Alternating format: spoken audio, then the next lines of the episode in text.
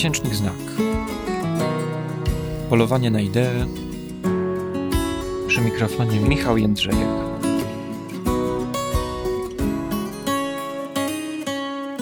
Zapraszamy do słuchania. Dzisiejszy odcinek poświęcony jest W.G. Zebaldowi, słynnemu niemieckiemu pisarzowi i eseiście, autorowi czterech książek prozatorskich, Czuje zawrót głowy, Wyjechali, Pierścienie Saturna i Austerlitz. Wszystkich wspaniale przełożonych na język polski przez Małgorzatę Łukasiewicz. Zarazem Zebald należy do grona pisarzy filozofujących, stąd jego obecność w naszym podcaście o ideach. Na początku lat 90. w jednym z programów telewizyjnych Marcel Reich-Ranicki, znany jako papież literatury, surowo oceniał książkę Zebalda Wyjechali. Mówił mniej więcej coś takiego. Zobaczymy za 20 lat, kto w ogóle będzie o niej pamiętał. Minęło 20 lat nie tyle od tamtego programu telewizyjnego, ile od tragicznej śmierci Zebalda w wypadku samochodowym w 2001 roku. Zebald jest nie tylko pamiętany, ale wręcz namiętnie czytany, analizowany i dyskutowany. Katarzyna Kończal, badaczka jego twórczości, podaje, że tylko w ostatniej dekadzie powstało w różnych językach ponad 50 monografii na temat jego twórczości. Wielu autorów wymienia go jako inspirację i jednego z największych pisarzy współczesności. W Polsce w ostatnim czasie pojawiło się wznowienie jego czterech tomów prozy, przygotowanych przez Osolineum. Christian Lupa przygotował spektakl oparty na powieści Austerlitz. Skąd bierze się ten fenomen Zebalda? Sądzę, że można wskazać tutaj trzy powody. Po pierwsze, Zebald jest pisarzem, który zdaje się być takim idealnym łącznikiem między wiekiem XX a XXI. Pokazują to dobrze fale recepcji jego książek. Najpierw była ta, powiedzmy, fala dwudziestowieczna, zogniskowana na tematyce zagłady, ale też na tematyce dziedzictwa kolonializmu. Zebald stworzył język, którym opowiadał o tych wydarzeniach, nie wprost, ale poprzez ich dalekie echa, oddziaływanie na kolejne pokolenia, na ludzką pamięć. Opowiadał o tym też poprzez budynki, ruiny, które przypominały o tych tragicznych zdarzeniach. A potem pojawiła się ta XXI-wieczna recepcja Zebalda, która dostrzegła u niego nieco inne tematy. Na przykład to, jak ludzkie katastrofy łączą się z dewastacją przyrody. E, pokazała także wrażliwość Zebalda na los zwierząt. Słynne stało się to fotograficzne zestawienie scen z masowego połowu śledzia ze zdjęciami z II wojny światowej, które pokazał Zebald w Pierścieniach Saturna. Inny temat to temat uchodźców, który jest obecny w tej prozie, a który jest tak bardzo aktualny. Zebald to niejako Prust przeniesiony do epoki późnego antropocenu. A ta wielowarstwowość jego prozy sprawia, że jest ona też dobrym przedmiotem, i to można zauważyć nieco ironicznie, dla wszystkich akademickich zainteresowań i dyskusji, dla badań, artykułów i prac na stopień. Po drugie, jest to pisarz imponującego stylu.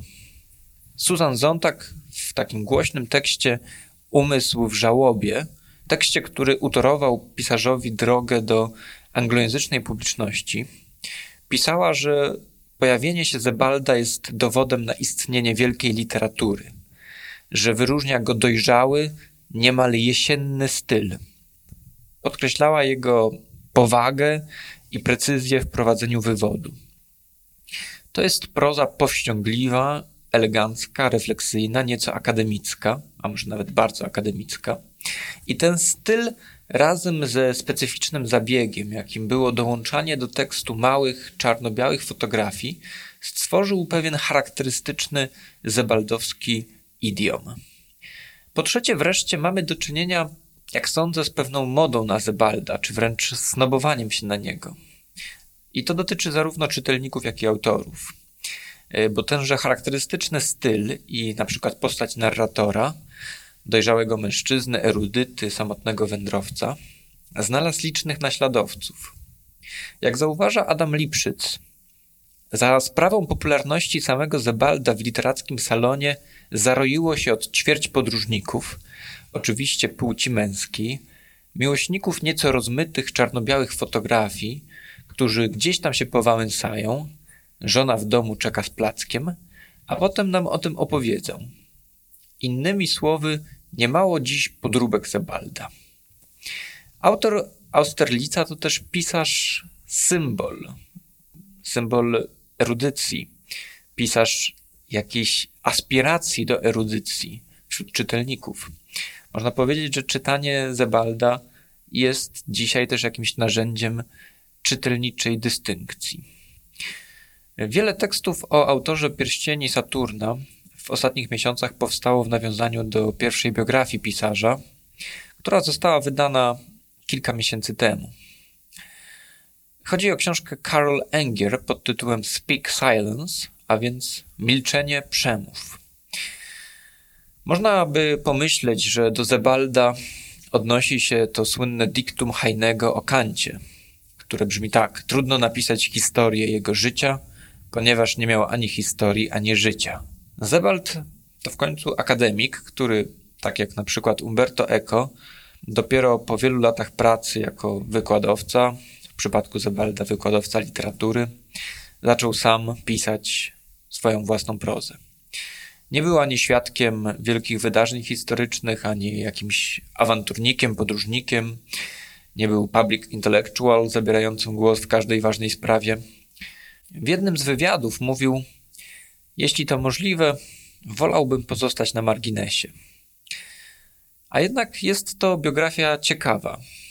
Na łamach miesięcznika Znak przedstawiał ją Arkadiusz Żychliński. Wyjaśnia on choćby tajemnicę imion Zebalda. Pisarz bowiem po wyjeździe z Niemiec do Wielkiej Brytanii na przełomie lat 60. i 70., gdy zaczął prowadzić zajęcia najpierw w Manchesterze, a potem w Norwich, prosił, by mówić do niego Max. Imiona nadane przez rodziców, Winfried i Georg, skracał na okładkach książek do inicjałów WG.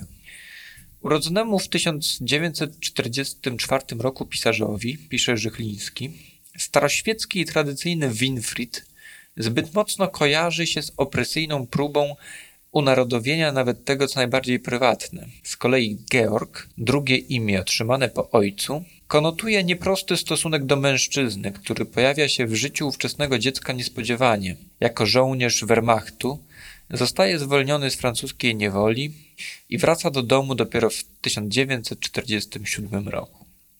Choć ojciec pisarza, Georg Zebald, nie był jakimś zaprzysięgłym nazistą, nie był nawet członkiem NSDAP, a w Wehrmachcie nie, nie dosłużył się wysokiego stanowiska, to dla pisarza uosabiał pewien typ, typ zwyczajnego Niemca, który uzyskał awans społeczny dzięki Hitlerowi i do końca czasów hitlerowskich nie wypowiedział mu tej lojalności. Gdy kilka lat przed śmiercią Zebald planował projekt literacki osadzony w pierwszej połowie XX wieku, przypadek własnego ojca miał być jednym z przykładów umożliwiających głębsze zrozumienie fenomenu narodowego socjalizmu. Żychliński w swojej recenzji książki Anger zwraca uwagę też na dwa fundamentalne przemilczenia, które kształtowały tożsamość i świadomość historyczną młodego Zebalda. Pierwsze to powojenne ruiny niemieckich miast. Jako dziecko z takim widokiem kojarzyło mu się miasto jako takie. Nikt jednak nie mówił o okolicznościach, w jakich miasta niemieckie obróciły się w zgliszcza. Drugie przemilczenie dotyczyło zagłady. Dopiero mając mniej więcej 18 lat, Zebald zobaczy film, prawdopodobnie był to film Billiego Wildera pod tytułem Młyny Śmierci, który pokaże mu istnienie nazistowskich obozów koncentracyjnych. W jednym z wywiadów Zebald opowiadał zresztą, jak w latach 60. niemieckie szkoły radziły sobie z tematem Holokaustu. Bez przygotowania i bez późniejszej dyskusji puszczano licealistom jakiś film pokazujący wyzwolenie obozów dziesiątki zwłok spychanych do masowych grobów i inne budzące grozę sceny. Było więc słoneczne czerwcowe popołudnie, wspominał Zebald, a my po emisji wychodziliśmy ze szkoły i graliśmy w piłkę, bo nie wiedzieliśmy, co powinniśmy ze sobą zrobić. Można powiedzieć, że duża część tej prozatorskiej i eseistycznej pracy Zebalda będzie właśnie odsłanianiem, eksplorowaniem tego, co zostało przemilczane. Karol Enger w swojej biografii jest dyskretna. Żona i córka nie zgodziły się zresztą na uczestnictwo w pracy nad tą książką.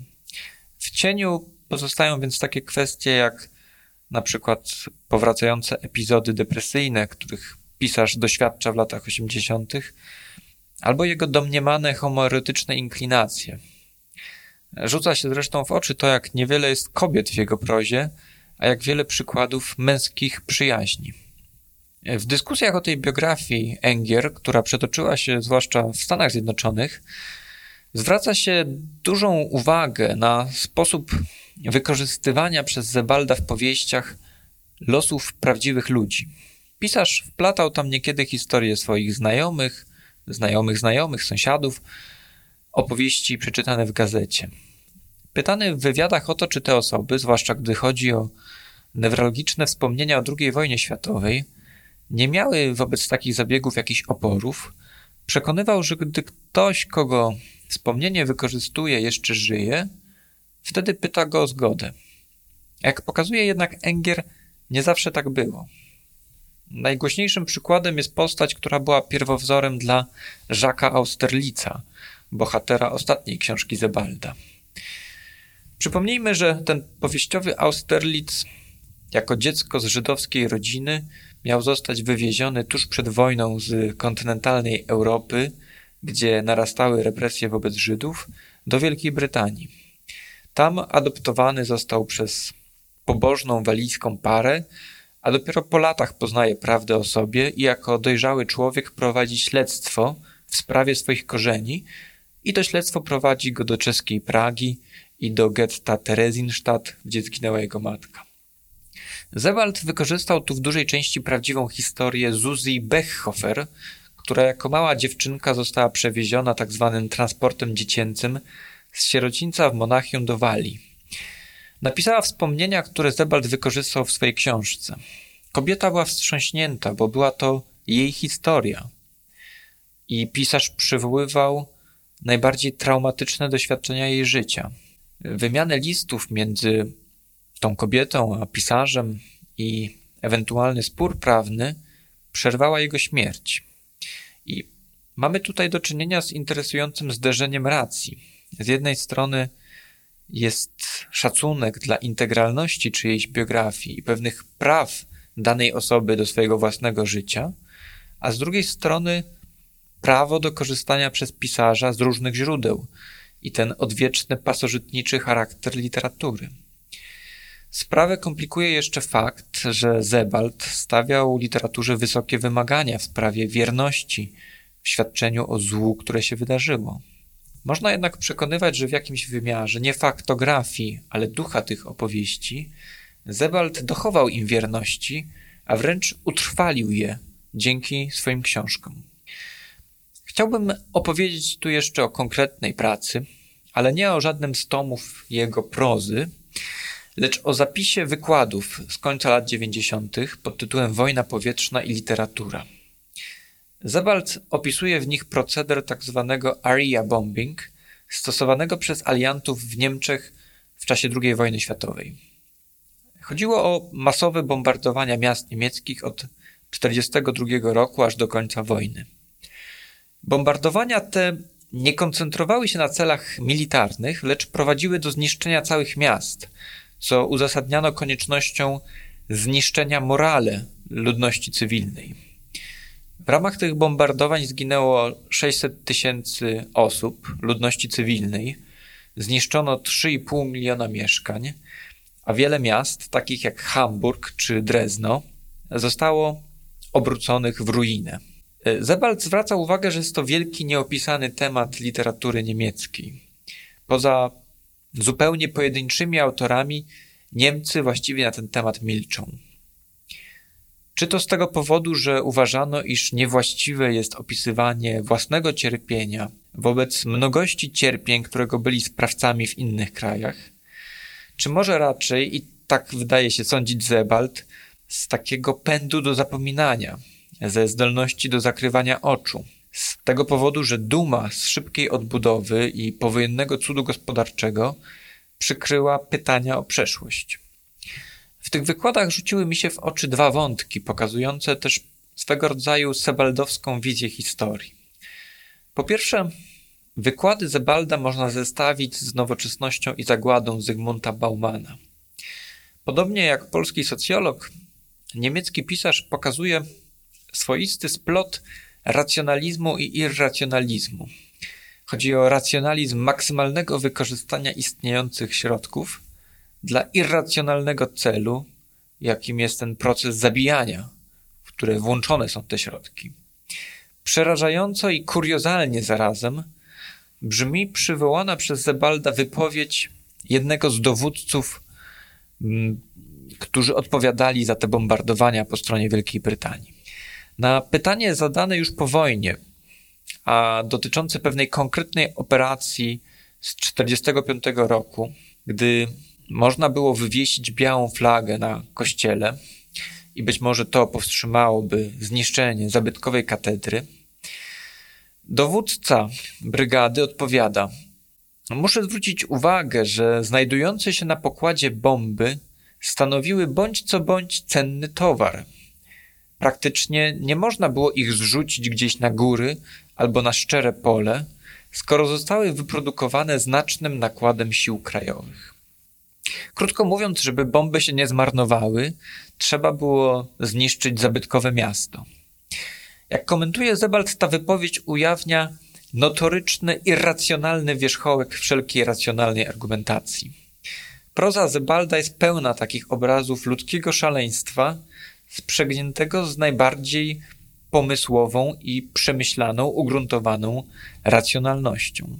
Po drugie, Zebald wskazuje tu na jednego z patronów swojej wizji historii, Waltera Benjamina. Wszelki postęp jest dla niego jednocześnie źródłem niezliczonych cierpień. W zakończeniu swoich wykładów Zebald przywołuje fragment słynnego eseju Benjamina o pojęciu historii. Anioł historii widzi jedną wielką katastrofę, która nieustannie piętrzy gruzy i ciska mu je pod nogi. Chciałby może się zatrzymać, pobudzić umarłych i złączyć to, co rozbite. Lecz od raju wieje wicher, który zaplątał mu się w skrzydła i jest tak potężny, że anioł nie może już ich złożyć. Wicher ten gna go niepowstrzymanie w przyszłość, do której zwrócony jest plecami, podczas gdy przed nim po samo niebo rosną zwaliska gruzów. To, co my nazywamy postępem, to ten właśnie wicher. Zebald spogląda na dzieje jak na naturalną historię zniszczenia. Jednocześnie ja najbardziej chyba lubię w jego prozie marginalia tego opisu dziejów jako katastrofy. Lubię jego ironię i dyskretny humor. Obecny choćby w opisie gigantycznego kredensu, którego, pisze Zebald, Brzydotę w przybliżeniu oddać mogło tylko wyrażenie styl staroniemiecki. Lubię niektórych bohaterów, y, ludzi, których charakteryzuje skromność, powściągliwość i poczucie, że wszystko w świecie jest ciekawe, że wszystko zasługuje na dociekliwe zbadanie. Takich choćby jak Michael z pierścieni Saturna, człowiek charakteryzujący się niemal ekscentrycznym brakiem potrzeb, który znalazł szczęście w jakimś dziś już wprost niewyobrażalnym rodzaju skromności. Albo jak wspaniały nauczyciel Paul Bereiter z książki Wyjechali, który z niesłychanym entuzjazmem uczył dzieci wszystkiego poza religią, od nauk przyrodniczych po język francuski. Lubię i podziwiam też ten elegancki dystans, który zachowuje pisarz w swojej prozie. Zebald zajmuje się opisem nieszczęścia, ale jak zauważa w jednym z esejów, literacki opis nieszczęścia zawiera w sobie możliwość jego przezwyciężenia. I dodaje podnoszącą na duchu anegdotę o nauczycielu z żydowskiej szkoły. Gdy ten dostrzegł w hederze zapłakanego chłopca, powiedział mu tak: Patrz w książkę. Kto zagląda do książki, nie płacze. Dziękuję za wysłuchanie tego podcastu do końca. Więcej o WG Zebaldzie przeczytacie w najnowszym numerze znaku, a więc tym z grudnia 2021 roku. A ja dziękuję za uwagę i do usłyszenia. Zapraszam na stronę miesięcznikznak.com.pl